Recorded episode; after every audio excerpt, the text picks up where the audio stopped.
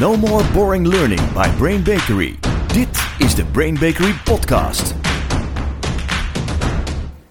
Heel hartelijk welkom. Fijn dat je luistert bij weer een gloednieuwe aflevering van onze podcast. Ik ben hier met mijn collega Sjane. Hallo allemaal. En met Jordi. Hi. Fijn dat je er bent. In deze podcast gaan wij het hebben over feedback. Zo. Ja. Oeh.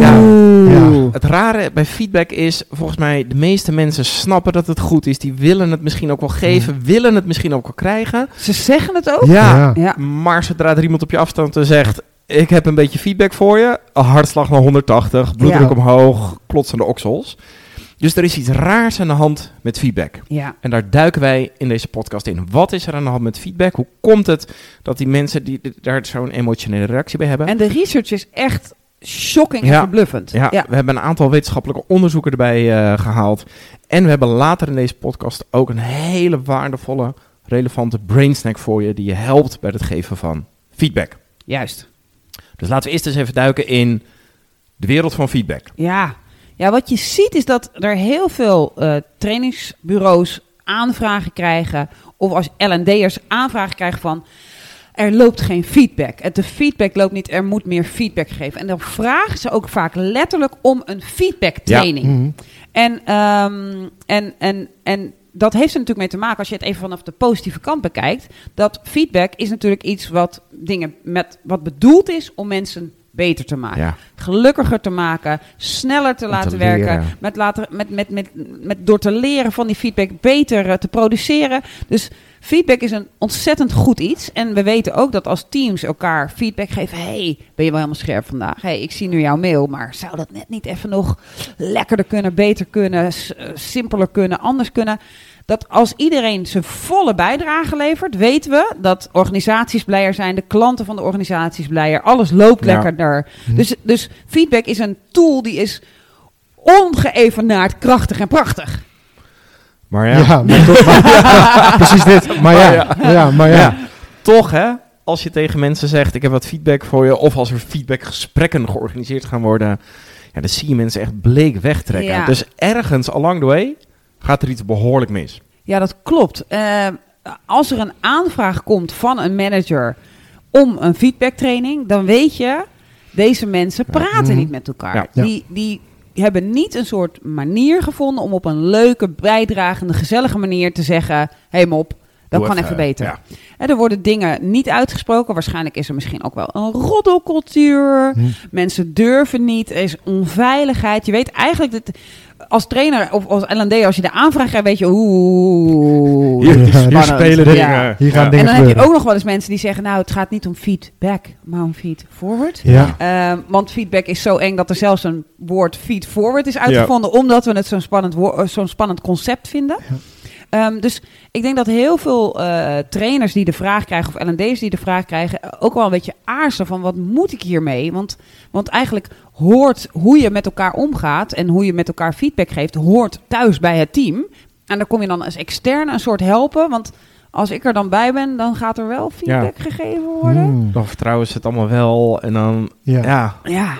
En ook misschien ook wel de illusie dat een feedbacktraining van een dag kan zorgen dat iedereen vervolgens eh, de rest van enorm zijn leven. lekker. Ja, alleen maar. oh, hey, ik zie jou stofzuigen, dat kan sneller. Eh, Ja. Oh, ik zie dit, eh, dat kan beter. Eh, dat iedereen zijn bijdrage gaat geven, dat vergt denk ik iets meer dan een training. Want, want een training impliceert eigenlijk dat het om skills gaat. Juist. En volgens mij gaat het misschien nog wel veel meer om mindset. En ook misschien wel een beetje om structuur. Ja. Dus die training triage, die zou ik er wel even goed op, eh, op loslaten. Ja, dus er is veel aan de hand met feedback. Diep in ons hart willen de meeste mensen willen natuurlijk gewoon horen: doe ik het goed, doe ik het niet goed. Als je uit alle onderzoeken blijkt, medewerkers vinden het fijn om van hun leidinggevende, of misschien van elkaar, Mhm. om eh, terugkoppeling te krijgen, of Ja. feedback te krijgen. Om te horen, draag ik bij? Ja. Of hoe kan ik beter bijdragen? Ja. En je ziet dat veel bedrijven natuurlijk ook beoordelingscycli hebben, beoordelingsgesprekken.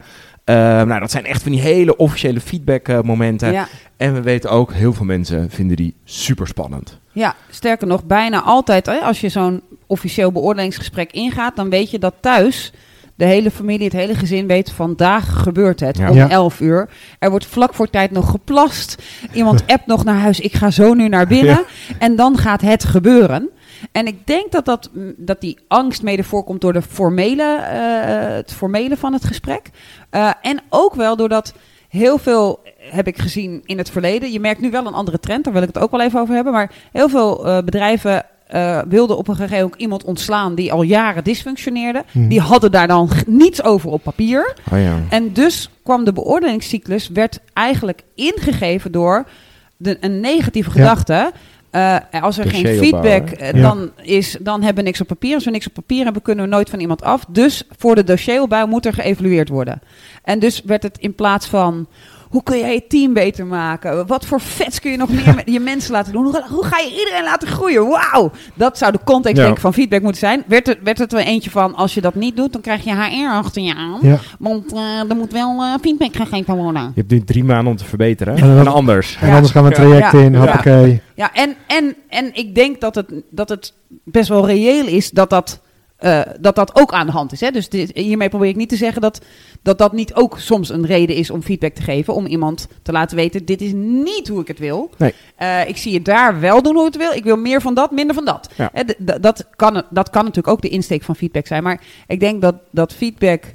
Ja, ik, ik heb het honderden keren voor grote zalen gevraagd. Jongens, bedenk twee vormen. Bedenk even een feedback die je de afgelopen week aan iemand had willen geven. Dan zei je een feedback. Nou, dat kan een compliment zijn Hmm. of een soort correctie of een opbouwende feedback. En dan vervolgens vroeg ik ze, nou, kijk eens even wat je bedacht hebt. Kwam er als eerste een compliment in je hoofd of kwam er als eerste een kritisch opbouwend iets in je hoofd? Ja, we zijn gewoon als mensen zitten we zo in elkaar dat we eerst aan het negatieve Ja. denken. Ja. Dus iedereen Ja. komt met, nou, het ging wel over eh, beter. En dan zie je sommige mensen hun hand opsteken, nou, het was een compliment. En sommigen geloof je, Andere maar anderen weer niet. We denken toch vaak als mens in, "Oh, wat gaat er niet goed? Ja. Ja. Ja, dus, dus feedback is super waardevol. De meeste mensen hebben er behoefte aan. Het wordt soms niet goed ingezet. Ik denk dat het ook best wel vaak niet goed gegeven wordt. Dus laten we eens kijken in wat gaat er mis bij het geven van feedback. Jordi, je bent erin gedoken. Ja, er, is een, eh, er zijn een aantal studies gedaan eh, hiernaar. En eh, wat eruit is gekomen is als eerste het Idiosyncratic Rater Model. Zo, zo. Ja, en dat is al in, sinds 1998. Daar is al de eerste studie gedaan. En wat er daar is gebeurd is dat er een, eh, een aantal managers die werden beoordeeld door verschillende eh, mensen om hem heen. Door een aantal peers, door direct reports, maar ook door hun eigen managers. En daaruit hebben ze heel veel data opgebouwd. En wat je ziet uit, deze onder, uit dit onderzoek is dat 60% van de feedback die wordt gegeven, gaat niet over de persoon zelf, maar gaat over onze eigen standaards en over onze eigen waardes. Dus degene die de feedback geeft. Ja, dus oftewel 60% van de feedback die ik geef aan jou, Ja. gaat over mij als persoon, over mijn eigen ideaalbeeld, hoe ik vind dat jij zou moeten werken. Oké, en dan is het dus jouw opdracht om te denken, nou, die 60 uur hoort bij jou. Ik pak er 40 uit die wel waardevol voor me is. Dat is zeker, ja. Wow. Kom, kom ja. dat maar. Zeg, Ja. zeg, het, Ja. zeg het maar eventjes. Ja, Ja. dus dat is best wel even shocking, dat het Ja. over...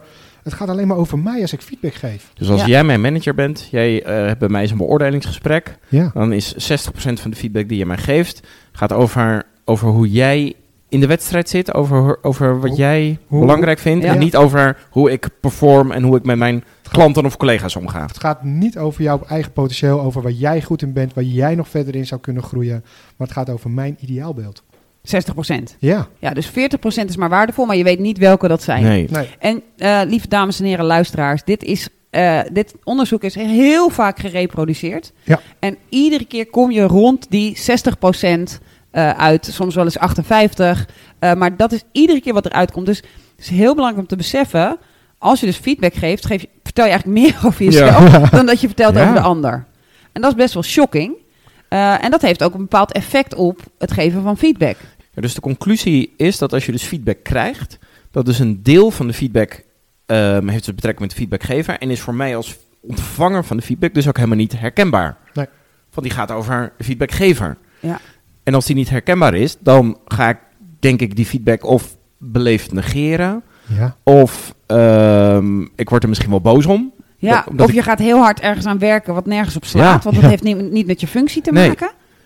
Dus, dus eigenlijk welke van die drie keuzes je ook maakt, er ontstaat een soort negatieve associatie bij de feedback. Want Ja. als je negeert, denk je, nou, die feedback is dus waardeloos. Als je aan het verkeerde gaat werken, dan krijg je later niet daar een compliment voor. Ja. Of je herkent je niet in de feedback. Je wordt boos omdat je denkt, eh, dit doe ik helemaal niet.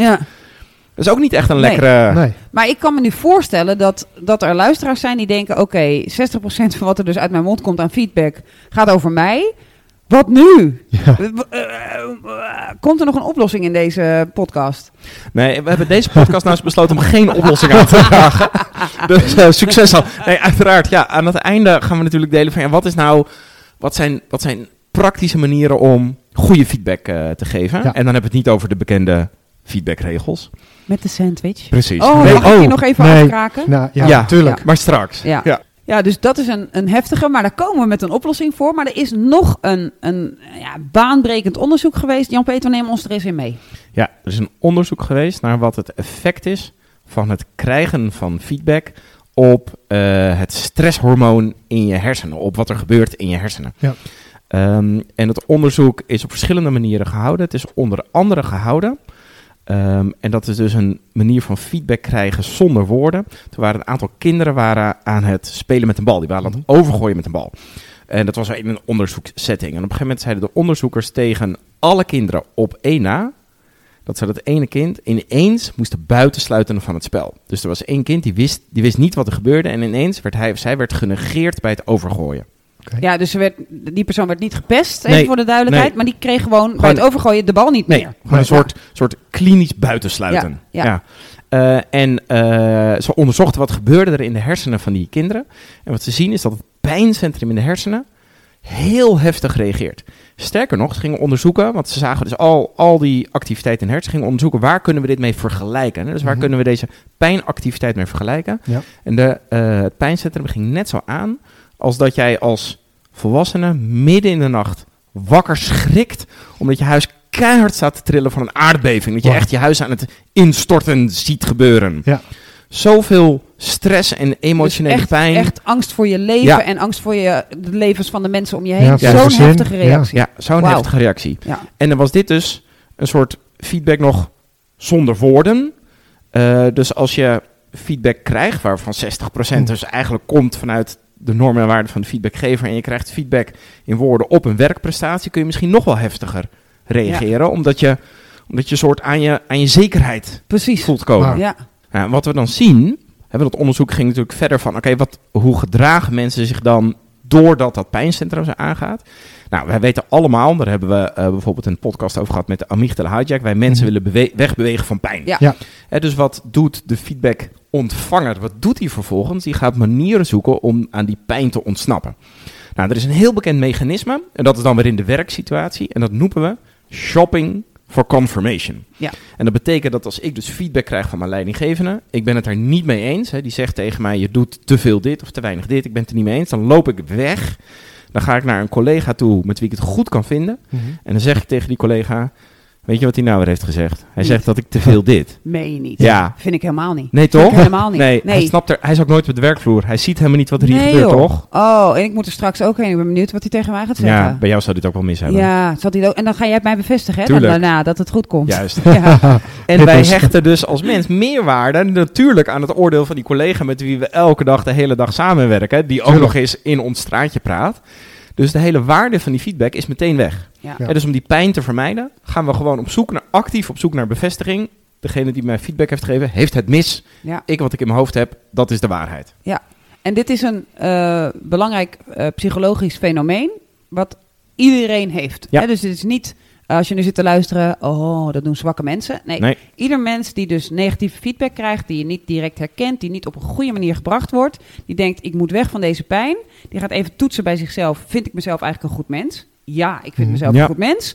Dus deze feedback kan niet kloppen over mij. Ik ga ergens anders vandaan halen dat ik toch oké ben. Juist de cognitieve dissonantie natuurlijk. Ja, Ja. iedereen heeft er last van. Je ontkomt er niet aan en je doet het altijd. Ja. Ja. ja, nu we deze onderzoeken eh, hebben gedeeld, dat zegt natuurlijk nogal wat over dat woordje feedback, hè? Ja. Ja, dus, dus wat, wat heel goed is, is om nu even te kijken van... oké, als er feedback wordt gegeven, gaat die vaak niet over waar het over zou moeten gaan. Namelijk, hij gaat namelijk over de feedbackgever en niet Ja. over de feedbackontvanger. Ehm, als we aan feedback denken, denken we vaak aan negatieve dingen en heel weinig aan complimenten. Uh, de fysieke, mentale reactie, fysiologische reactie die mensen hebben op het woord feedback is heel erg heftig. Want ze hebben hem al eens vaker gehad. Hij mhm. bedreigt echt ja, je soort je eigen waarde. Dus je, je wordt wakker in een trillend huis dat ten, ten onder dreigt te gaan. Dus uh, er is nog wel, er is nogal wat, wat, wat te doen rondom feedback. Maar laten we ook eens kijken naar wat oplossingen. Kun jij ons daarin meenemen, Jordi? Nou, om natuurlijk te voorkomen dat 60% van wat jij zegt over jezelf gaat, is het heel belangrijk om tijdens gesprekken met concrete observaties te komen naar de mensen om je heen. Ja. En uh, Chris Argeris, die heeft daar een ladder voor bedacht. En je moet zo, zo laag mogelijk op deze ladder zitten. Dan ben je echt met concrete dingen bezig. Ben je echt aan het beschrijven wat je iemand ziet doen. Um, wat je iemand hoort zeggen. Wat je iemand hoort zeggen, ja. En, en dat gaat helpen om te voorkomen dat 60% over jou gaat. Ja, dus een hele belangrijke is de concreetheid van je feedback. Wat zie ik? Wat observeer ik? En, en daar voorbeelden over geven. En ik denk dat dat ook vaak is waar het misgaat. Ja. Want hoe vaak kijk je mee met je mensen? Ik denk toch dat heel veel leidinggevenden helaas denken dat het zitten in een kantoor en het bekijken van de cijfers van de output hun, hun, werk is. In plaats van het naast de medewerker staan en kijken: ik zie je dit doen. Volgens mij kun je sneller, beter, lekkerder in je vel zitten als je het zo doet. Ja. Dus denk ik dat er nog iets vooraf gaat aan dat laag op de ladder. Want want ik denk dat er ook wel mensen zijn die in een feedbackgesprek zitten en denken: Oké, jij komt nu met dit voorbeeld. Oké, je hebt mij één keer gezien. Daar heb je één keer dit gezien. Je hebt mij 20 dagen deze maand niet gezien. 20 werkdagen. Dat zijn, je hebt er maar 20. Die heb je me niet gezien. En nu kom je met dit voorbeeld. Seriously. Dus, dus volgens mij gaat het ook om. Als je dan laag op die ladder wilt zitten en je wilt met concrete voorbeeld komen, dan moet je er een hele hoop hebben gezien. Ja, absoluut. En ik denk ook, als ik nog even door mag gaan, dat het ook gaat om tijdigheid. Mhm. dus, dus op het moment dat je mij iets nu ziet doen, wil je het een soort nu horen en moet je bijna al je excuses aanbieden als je er een week mee wacht. Ja. Ja, dus de eerste is inderdaad, maak het zo concreet mogelijk en zorg dat je genoeg voorbeelden hebt. De tweede is inderdaad, als je ziet dat mensen iets goed doen, of iets niet goed doen. Ja. Dat kan beide kanten ja. allebei. Zorg ervoor dat je zo snel mogelijk... zeg het nu. Ja. ja. zodat als je dan een soort formeel gesprek hebt, dat je dan aan het herhalen bent wat er eerder uh, is... Of dat je gaat vragen, wat heb je daarvoor nodig? Of uh, hoe zou je dat nog meer kunnen doen? Of dat je verdere verklaringen gaat geven. Maar dat, het, dat de feedback al on the job is gebeurd. Ja. Dus eigenlijk, hoeveel tips hebben we nu al, zeg maar? Nou, we hebben... We hebben Twee, drie, die er al in één. Ja, dus eigenlijk als, als leidinggevende moet je dus veel op de vloer zijn. Ja. Als je dat niet doet, kun je eigenlijk, good luck with je feedback, dan krijg je die 60%. Je moet dus, als je dan voorbeelden ziet, moet je er dus een heleboel nu al doen. Zodat als je dan een formeel feedbackgesprek hebt, dat je dan ja, eigenlijk gewoon herhaalt en, en, en de balans wat maakt hoe het daarmee gaat. De diepgang een beetje ja, precies. opzoeken. Ja, ja absoluut. Dus dat zijn er al, dat zijn er al drie die we, die we gegeven hebben. En ik, ik denk ook dat er eentje die heel belangrijk is, is ja, ben gewoon regelmatig in gesprek met de mensen. Ook al is er geen aanleiding toe, hè. Uh, ga vooral met ze in gesprek om ook even te kijken, joh, wat vind jij belangrijk? Wat wil jij nog meer ontwikkelen? Zodat je daarop je feedback kan gaan geven. Ja, dus ook als er niet direct aanleiding is om feedback te geven, toch even met elkaar zitten. Toch even met elkaar zitten. En dat raakt ook het punt wat Shana net zei, hè, over van, joh, uh, ik wil graag je, moet ze, je moet ze zien op de werkvloer. Je moet met ze bezig zijn, want anders slaat je feedback gewoon helemaal nergens op. En doordat je het denk ik doet, als er geen aanleiding voor is, leer je de mensen dus ook. Het is heel normaal hier dat wij gesprekken hebben over je performance, over hoe je hoe je in je vel zit, of alles, alles wat maar met je performance te maken heeft. Ja, want ik sta vaak voor grote groepen en dan vraag ik ook wel eens, hoe gaat jouw performance aan die hele groep? Mhm. En dan zegt iedereen zo van, ja, best wel een beetje goed, zo. Een beetje een soort flauwe reactie krijg je dan, hè? Er staat nooit iemand op, fantastisch! Dat, dat gebeurt gewoon niet. Um, dus iedereen zegt, ja, het gaat wel goed. En dan is mijn tweede vraag vaak, hoe weet je dat? En dan is het best wel shocking, want dan zie je dus dat, dat de mensen zeggen... Uh, ja. En dan zeggen ze, eigenlijk komt het hierop neer wat ze dan zeggen. Ik hoor niet dat het fout is. Ja, ik had net zeggen, ik voel Dus is het, dus is het oké. Ja. ja. Dus inderdaad, het gaat om, laat het, doe het iedere dag. En, en niet bij uitzonderlijke momenten als het heel erg fout gaat, maar gewoon vol continu, zodat je gewoon een, een, situa een, een, een, een cultuur bijna creëert waarin je dus lekker naar elkaar aan het kijken bent om te kijken, kan ik je beter maken? Precies, heel goed. Jordi, volgens mij hebben we nog een tip, hè? Ja, want um, wat, wat heel goed is om te doen, is laat medewerkers zelf om feedback vragen. Het grote voor- voordeel daarvan namelijk is, is dat zij zelf het gevoel hebben in control te zijn. Eh, en dan komt de feedback over hun veel beter binnen. En dan gaat het ook echt daadwerkelijk over hun. Kijk, dus in plaats van een manager komt naar mij toe, heb je even. Ja. Ga ik zelf vragen, hoe doe ik het? Ja. En, maar even voor mij, gaan we dat dan opleggen? Van je moet dat twee keer per maand doen? Hoe ziet het eruit? Ehm, nee, ik denk dat als een medewerker op een gegeven moment voelt van... hey, hier had ik even iets beter in kunnen doen. Laat ik even naar die manager toe lopen of naar een collega toe lopen. hey, ik heb net dit gedaan. Kijk even mee. Kijk even met me mee. Kan ik, Ja. het, kan ik het nog anders doen? Kan ik het nog scherper doen? Help me eventjes. Cool. Want ik denk dat als jij zegt van hè, met elkaar in gesprek zijn... als je die cultuur kan Ja. creëren... Ja. dan is dit een hele lekkere en dan gaat het ook gebeuren. Ja, en dan is het natuurlijk ook belangrijk voor de manager... dat als die persoon komt, dat je niet zegt... ik heb nu geen tijd. Nee. Nee. Nee, Ja. Dat hij gewoon ook echt dat het leuk vindt om mee te kijken. En, en eigenlijk blij is, "Oh, ik hoef niet op jou af te stappen, maar jij komt naar mij. ja. Cool. Lekker jongens, dus we hebben een mooi aantal eh, tips. Eh, volgens mij, we hebben het de luisteraars beloofd, hebben we nog iets heerlijks. De Brain Snack. Brain Bakery Brain Snack. Ja, de brainsnack van deze week is een, is een oudje. Maar ik durf hem toch te geven, Ja, omdat, omdat hij zo goed is. eh, van iemand met zo'n groot hart komt. En ehm, omdat hij nog zo weinig wordt toegepast. Ja. Ehm, eh, Ken Blanchard komt hij vanaf, eh, een van de bekendste management-auteurs. Eh, De One Minute Manager. Nou, iedereen heeft wel. Als je, als je geen boek van hem hebt gelezen, koop een boek van hem. Want hij heeft er echt 85 volgens mij geschreven. En ze zijn allemaal goed. Ehm, en ehm, wat hij zegt is: bekijk ehm, eh, de transacties die je met je medewerkers nou doet. in positieve en in negatieve transacties. En hij zegt: om iemand een negatieve feedback te geven, een opbouwende kritiek, een kritiekpunt mee te geven, zegt hij, moet je als manager jezelf dwingen om drie positieve dingen hebben, te hebben aangegeven. Mhm. Dus hij ziet het als een, als een beetje zoals Kofi vervolgens zegt, hè, de, de emotionele bankrekening. Ik moet echt vaak storten, Ja. zodat als ik dan een keer kom met iets negatiefs, dat die ander denkt, ja, jij mag dit ook echt tegen mij zeggen, want ik Mhm. hoor zo vaak dat ik het goed doe. Nu mag je ook een keer komen met iets wat ik echt beter moet doen. Ja. Dus hij, eh, hij adviseert die drie staat tot één. Let wel, dit is geen reclame voor de sandwich-formule. De sandwich-formule, de hamburgertechniek, die moet echt zwaar verboden worden.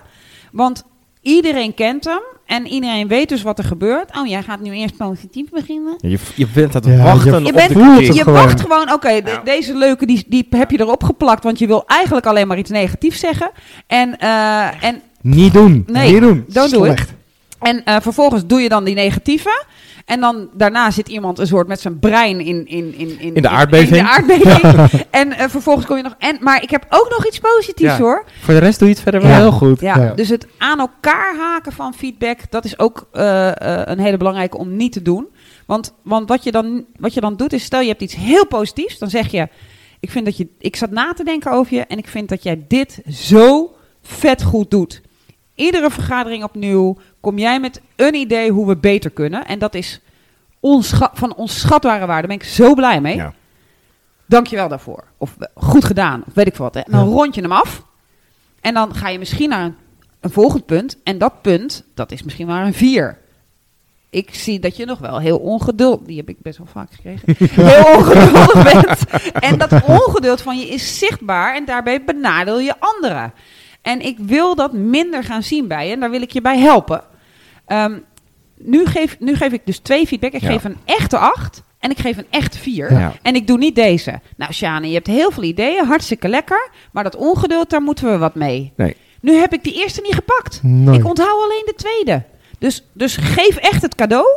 En geef ook echt, geef die ander ook echt het recht en de liefde dat, het, dat iets niet goed is en beter moet. Het is geen sandwich, maar twee losse broodjes. Ja. Ja. Ja. Twee, en, en, Mooi. en echt eigen broodjes en, en evenveel voorbereiding stoppen in, in beide broodjes. Ja. Ja, Goed mensen, het, eh, het, het rare fenomeen van feedback, diep in ons hart willen we het, maar we zijn er ook bang voor. Doordat het dus vaak niet goed gegeven wordt. Want 60%, want een aardbeving, want shopping for confirmation, want sandwichmethodes. Allemaal oorzaken waardoor wij nu, als iemand zegt, zal ik je even feedback geven, denken, niet doen. Ik ga weg. doodzonde is. Want feedback, Sjane begon er al mee, is zo'n krachtig middel, zo'n krachtig instrument. Ja. Om voor jezelf te leren als mens en om als organisatie eh, te leren. Dus ga vooral feedback geven, maar doe dat op de goede manier. En altijd in de verhouding 3 staat tot 1 van ons held Blanchard. Dankjewel Jan-Peter. Dankjewel Jordi. Dankjewel, Shana. Heel graag, tot de volgende keer. No more boring learning. Dit was de Brain Bakery podcast. Wil je meer weten? Kijk dan op brainbakery.com of volg ons op onze socials.